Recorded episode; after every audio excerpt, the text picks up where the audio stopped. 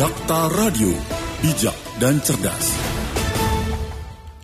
Rekan Dakta di tengah kebutuhan anggaran yang cukup besar untuk penanganan pemulihan COVID dan juga pemulihan ekonomi, namun di satu sisi ternyata anggota legislatif yang terhormat di Kota Bekasi, yakni dari fraksi Gerindra, Murfati Lidianto ini mengusulkan adanya kenaikan anggaran pokok-pokok pikiran atau pokir yang dari nilai sekitar 3 miliar rupiah ini berharap adanya kenaikan sebesar 5 miliar rupiah. Menurutnya anggaran tersebut masih dinilai kurang mengingat aspirasi yang cukup banyak disampaikan oleh masyarakat. Lalu seperti apa sesungguhnya pengamat kebijakan publik mencermati uh, usulan yang dilakukan oleh anggota legislatif Kota Bekasi ini? Saya akan ajak Anda untuk berbincang bersama pengamat kebijakan publik dari Institut Bisnis Muhammadiyah Bekasi, Bapak Hamludin. Dakta Radio, bijak dan cerdas. Assalamualaikum Pak Hamludin. Waalaikumsalam warahmatullahi wabarakatuh. Apa kabar Bang J? Alhamdulillah, sehat Pak. Alhamdulillah sehat. Bincang sore nih ceritanya ya? iya, bincang malam Pak. iya, bincang malam.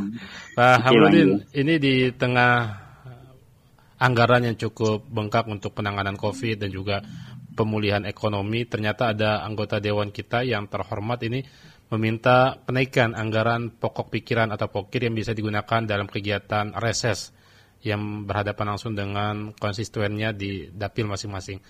Dari usulan dari anggaran sekitar 3 miliar ini adanya usulan kenaikan ya. sebesar 5 miliar. Pak Hamludin melihat adanya anggota dewan meminta adanya kenaikan dana pokir sebesar 5 miliar, ya. apa pandangannya? Baik, uh, terima kasih Bang Jai. Jadi memang kalau kita melihat secara realitas hmm. oleh DPRD memang dirasa kurang 5 3M sebelumnya itu dinilai tidak mampu memenuhi seluruh program-program uh, yang menjadi aspirasi masyarakat mm-hmm. atau konstituen masing-masing karena itu diperoleh dari penjaringan dan program itu banyak sekali setiap konstituen mengajukan banyak program mm. dan itu memang nilai 3M itu tentu saja uh, relatif ya mm. sifatnya relatif sehingga uh, alokasinya adalah berdasarkan skala prioritas saja yeah jadi dengan relativitas tadi maka seyogyanya program yang menjadi sasaran itu adalah program uh, yang menjadi prioritas yang kira-kira ukuran prioritas itu banyak ya indikatornya yeah. misalnya uh, manfaatnya dirasakan langsung oleh masyarakat uh, yang populasinya cukup besar yeah. dan itu uh, tidak hanya sekelompok orang. Nah, banyak hal kalau misalnya dipokir di masing-masing uh, wilayah uh, sesuai dengan program dan unggulan setiap anggota dewan yang selama ini uh, mereka sudah uh, janjikan kepada uh, konstituennya. Hmm. Nah, terkait usulan menjadi 5M, kalau dalam uh, realitas yang baik tentang kondisi keuangan daerah, maka ini dinilai wajar saja. Hmm wajar saja. Tetapi memang kita kan ada force major ya di yeah. dua tahun terakhir ini sehingga uh, semua anggaran itu mengalami konsentrasi ke pemulihan COVID-19. Mulai dari tahun 2020 bulan Maret itu wali kota juga sudah uh, apa namanya mengarahkan seluruh agenda program dan uh, anggaran itu masuk ke penanganan COVID-19. Hmm. Nah tentu saja ini menguras banyak uh, energi, terutama di uh, anggaran. Hampir semua uh, dinas itu kemudian dibatasi anggarannya dan kemudian diserap untuk uh, COVID-19. Secara kebijakan memang ini adalah hal yang wajar ketika suatu daerah terjadi uh, musibah gitu ya. Yeah. Dan ini musibahnya tidak hanya lokal tapi juga uh, sudah berskala internasional. Hmm. Bahkan musibah lokal pun uh, apa namanya pengalokasian anggaran yang kemudian dialihkan itu juga sesuatu yang wajar ya. Hmm. Nah, tinggal kita melihat apakah penanganan COVID ini sudah tuntas atau belum. hmm. anggarannya sudah sudah tercukupi atau belum. Yeah. Nah, kalau kita kalau kita mendengarkan atau membaca informasi dari kepala daerah, tentu saja masih banyak yang harus dibenahi di sana untuk anggaran ya, alokasi anggaran ke penanganan COVID. Nah, terutama pada sektor ekonomi masyarakat. Oke, hmm. misalnya secara teknis untuk penanganan medis sudah selesai gitu ya. Hmm. Tetapi masyarakat ini perlu dibantu untuk kemudian berdaya uh, manfaat di masing-masing uh, wilayah sosialnya. Yeah. Bahkan sampai tingkat rumah tangga. Nah ini yang menjadi konsentrasi pemerintah sekarang, yang harusnya menjadi konsentrasi pemerintah, mm -hmm. baik itu eksekutif maupun oleh legislatif. Bagaimana kemudian mendorong pertumbuhan ekonomi masyarakat untuk ketahanan pangan keluarga, tingkatnya sampai ketahanan pangan keluarga sekarang. Jadi hmm. bukan lagi wilayah, tapi karena sudah sampai pada tingkat ketahanan pangan keluarga. Artinya, efek COVID kemarin ini benar-benar luar biasa sampai di tingkat keluarga dampaknya. Ada yang di PHK, ada yang kemudian kehilangan mata pencarian, usahanya e, bangkrut. Kalau kita melihat ya di masyarakat, ada yang tadinya pegawai dan memutuskan untuk e, berwirausaha itu hanya berjalan beberapa tahun kemudian e, usahanya tidak uh, tidak optimal bahkan Baik. merugi dan ada yang bangkrut. Nah, sektor-sektor ini perlu didorong. Baik. UMKM sekarang menjadi perhatian pemerintah dan sekiranya itu bisa menjadi fokus yang uh, menjadi prioritas. Nah, kembali ke soal pokir, saya pikir ada syarat ya, misalnya program pokir ini kemudian harus disinergikan dengan uh, program prioritas yang menjadi yeah. penanganan pemerintah saat ini, hmm. saya pikir itu tidak ada masalah. Hmm. Artinya ketika penanganan uh, program prioritas uh, pemerintah pasca COVID atau pasca pandemi ini itu juga menjadi perhatian daripada pokir oleh anggota dewan, saya pikir tidak ada masalah usulan itu, tetapi memang harus dilihat lagi nanti hmm. proporsinya. Apakah proporsi anggaran itu bisa memenuhi untuk ke sana. Yeah. Kalau sekiranya kalau sekiranya program prioritas itu sudah bisa tertangani lewat program legislatif eksekutif, yeah. maka seyogyanya program uh, legislatif yang menjadi pokir daripada masing-masing anggota dewan yang jumlahnya 50 hmm. ini adalah uh, berarti second line-nya. Jadi dia menjadi pendamping dari program yang sudah ada itu. Yeah. Sehingga saling menguatkan program itu antara eksekutif dan legislatif. Nah, kalau posisinya demikian, maka nilai yang diusulkan mungkin bisa dikaji lagi berapa idealnya.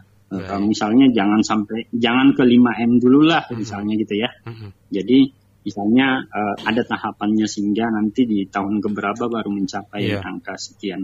Nah begitu Bang Jess. Baik, Pak Hamudin kalau melihat dari usulan di masyarakat yang paling bant atau paling tidak seputar saluran perbaikan jalan, saluran drainase atau mungkin pembangunan iya. sekretariat RT RW ya, sekretariat RW lah minimal. Betul.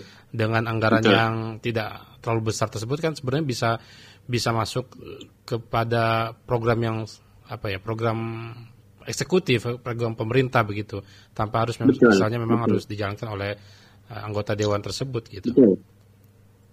Betul, itu yang hmm. saya katakan, itu yang saya katakan tadi bahwa yeah. uh, ketika program itu, program prioritas itu atau program yang menjadi uh, harapan dari konstituen itu sudah terwakili oleh uh, program eksekutif wali kota dan jajarannya di iya. masing-masing yeah. dinas, itu sebenarnya uh, dewan bisa melakukan penguatan di sektor-sektor lain sebenarnya. Yeah, betul. Nah, misalnya mendorong UMKM di hmm. wilayahnya atau yeah. di iya. konstituennya. Yeah. Nah ini juga penting. Kenapa? Karena seperti yang saya sampaikan tadi bahwa efek dari pandemi ini luar biasa sampai hmm. merusak ketahanan pangan keluarga. Dan ini yang perlu dijaga sesungguhnya.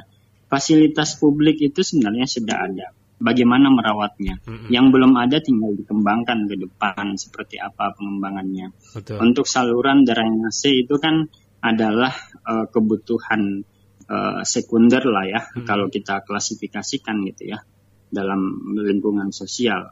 Nah, uh, kebutuhan-kebutuhan uh, utama inilah yang harusnya menjadi uh, prioritas di masa pasca pandemi ini. Nah, makanya uh, kita akan melihat tuh bagaimana sinergitas antara program eksekutif ini uh, dengan legislatif itu bisa saling menunjang satu sama lain.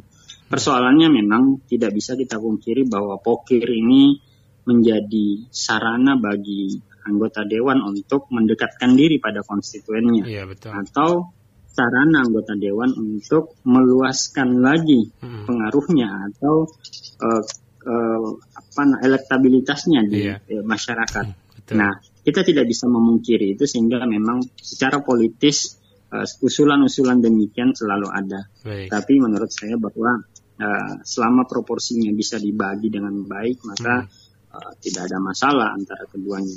Baik. Misalnya tadi jangan sampai kalau dihitung-hitung anggaran tidak cukup, hmm. jangan sampai di situ dulu lah. Betul. Misalnya tiga yeah. sekian atau sampai empat gitu ya. Iya. Usulannya. Baik, Pak Hamudin kalau melihat dari analisis Pak Hamudin ini kan sebenarnya mesin politik juga 2022 sudah mulai memanas. Tadi Pak Hamudin iya, singgung 2024. bahwa iya artinya 2024 ini kan tahun depan 2022. Nah ini memang iya. tidak dipungkiri kan pokir ini untuk salah satunya menaikkan elektabilitas uh, anggota dewan. Nah dengan anggaran yang besar, Betul. Pak Hamudin bisa nggak melihat sisi lain bahwa Eh, bahwa masing-masing anggota dewan tersebut juga sudah mulai memanaskan mesin eh, apa mesin dirinya untuk elektabilitas terus naik menjelang 2024 Pak Hamudin. Iya, uh, tentu saja harapannya dari sana. Setiap hmm. anggota dewan kan punya kans. Iya. Uh, tahapannya sebenarnya anggota dewan itu adalah elektabilitas sudah didapat. Tinggal bagaimana menjaga elektabilitas itu dan kemudian masuk kepada tahap dipilih oleh masyarakat untuk kedua kalinya. Nah, uh, memang agak susah ya uh, di era sekarang ini di mana masyarakat itu sudah pandai melihat mana nih uh, wakil kita yang benar-benar berjuang untuk kepentingan publiknya hmm. dan mana yang hanya musiman gitu. Iya. Itu akan akan akan ditandai oleh diberikan label oleh masyarakat hmm. dan itu sudah terjadi di mana-mana. Iya. Iya. Nah, melalui pokir ini berharap labeling-labeling yang tadi itu kemudian bisa dikikis oleh hmm. uh, para atau teman-teman yeah, di masyarakat. legislatif hmm. untuk kemudian tetap menjaga elektabilitasnya. Baik. Kalau melihat dari popularitas, elektabilitas sejauh ini untuk di tahun 2024 pilkada atau pileg tahun 2024 sesungguhnya apa yang menjadi dinamika utama di Kota Bekasi Pak Hamudin? Uh, eh, 2024 tentu saja masih seputar uh, apa namanya partai politik yang uh, saling ini saling mengambil peran dan saling uh, istilahnya kalau dalam dalam dunia politik itu ada yang disebut downgrade ya. Hmm. Uh, downgrade itu adalah bagaimana mengekspos nilai-nilai uh, negatif dari satu partai politik untuk dijadikan sebagai uh, apa namanya bahan rivalitas yang kemudian elektabilitasnya diharapkan jatuh. Yeah. Nah itu yang terjadi di di 2021 ini. Okay. Bagaimana partai politik itu melakukan downgrade terhadap rival-rival politiknya yang hmm. lain. Misalnya ada tokoh politik kemudian dicitrakan buruk atau uh, partai politik yang ada dualisme di dalamnya kemudian semakin dipengaruhi secara eksternal eksternal untuk uh, konflik itu semakin kuat sehingga uh, apa namanya uh, partai politik tersebut tidak solid. Nah itu cara-cara seperti itu atau fenomena seperti itulah yang ramai di 2021. Nah tentu saja di 2022 kalau 2021 sudah dilewati dengan konflik-konflik internal ini dan masing-masing partai politik bisa menjaga soliditasnya maka Masuk ke 2022 fenomenanya akan berganti. Menurut saya fenomena di 2002 itu adalah bagaimana mulai penjajakan antara partai politik. Karena 2023 itu sudah bunyi lonceng tentang hmm. bagaimana pemilihan kepala daerah. Iya, nah, 2022 itu adalah fase di mana partai politik saling menjajakan diri, hmm. termasuk figuritas. Bagaimana memunculkan figuritas. Memang sekarang ini di 2021 figuritas uh, mulai dimunculkan tetapi belum kuat karena uh, eranya sekarang adalah downgrade satu sama lain. Bagaimana menjatuhkan image partai politik yang satu dengan yang lain. Oke. Okay. akan mulai muncul figuritas dan kemudian uh, juga menjajakan uh, uh, kerjasama koalisi lalu 2023 itu adalah fase di mana penentuan siapa yang akan mendukung siapa uh, dan siapa yang akan berkoalisi dengan siapa. Iya. Tetapi kan begini juga Pak Hamludin di satu sisi ketika kita bicara uh, pilkada tidak bisa dihilangkan dengan kekuatan pileknya begitu. Karena kan pilkada 2024 Betul. karena pilek terlebih dahulu yang diselenggarakan baru pilkada. Betul. Nah, ini kan petanya juga kemungkinan ya. agak agak berbeda dengan 2019 lalu. Nah, nah bagaimana misalnya ya. partai-partai yang saat ini memiliki 12 kursi atau 7 kursi, 4 kursi, artinya belum tentu ketika pilek ke, ke depan itu juga memperoleh uh, kursi yang sama atau suara yang sama di 2024 ya. Iya, hmm. betul. Karena memang ada perubahan konstelasi di masing-masing internal partai politik. Yang pertama perubahan itu terjadi pada figur pemimpinnya. Ada hmm. beberapa partai. Jadi ya perlu menyebutkan ya. Iya, ada iya. beberapa partai kemudian berubah figur pemimpinnya. Iya. Otomatis ketika terjadi perubahan figur pemimpin maka uh, pendekatan mempengaruhi hmm. ketercapaian suara karena motornya kan ada di kader-kader ini iya. dan itu yang yang uh, menjadi poin urut uh, nomor satu bagi saya dalam pertimbangan uh, bagaimana elektabilitas dijaga.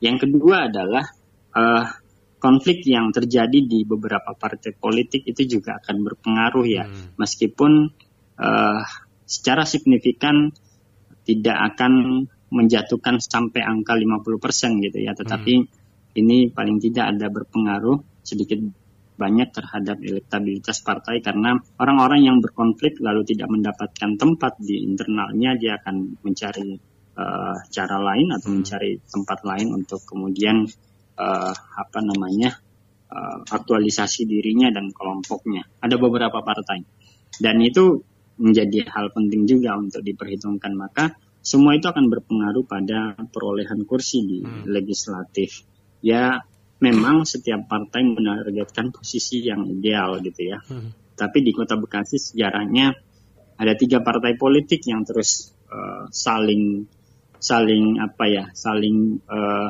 berkejar-kejaran di angka 12 kursi itu. Yeah. Yaitu uh, ada ada Golkar, ada uh, PKS, ada PDI ya. Yeah. Tiga partai itu yang terus berkejar-kejaran sehingga secara motor kader mereka kuat tiga partai ini gitu ya. Hmm dan uh, masing-masing punya sistem yang uh, sudah berjalan secara sejak lama sehingga itu menjadi modal bagi mereka. Tapi menurut saya akan ada perubahan di tiga partai ini tentang perolehan suara yang akan mereka dapatkan di legislatif.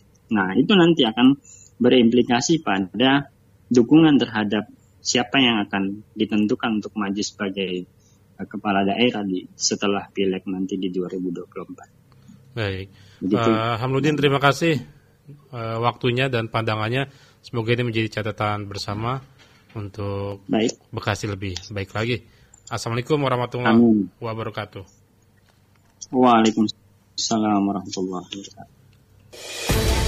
Dakta Radio, bijak dan cerdas. Demikian rekan Dakta perbincangan kami bersama pengamat kebijakan publik dari Institut Bisnis Muhammadiyah Bekasi, Bapak Hamludin.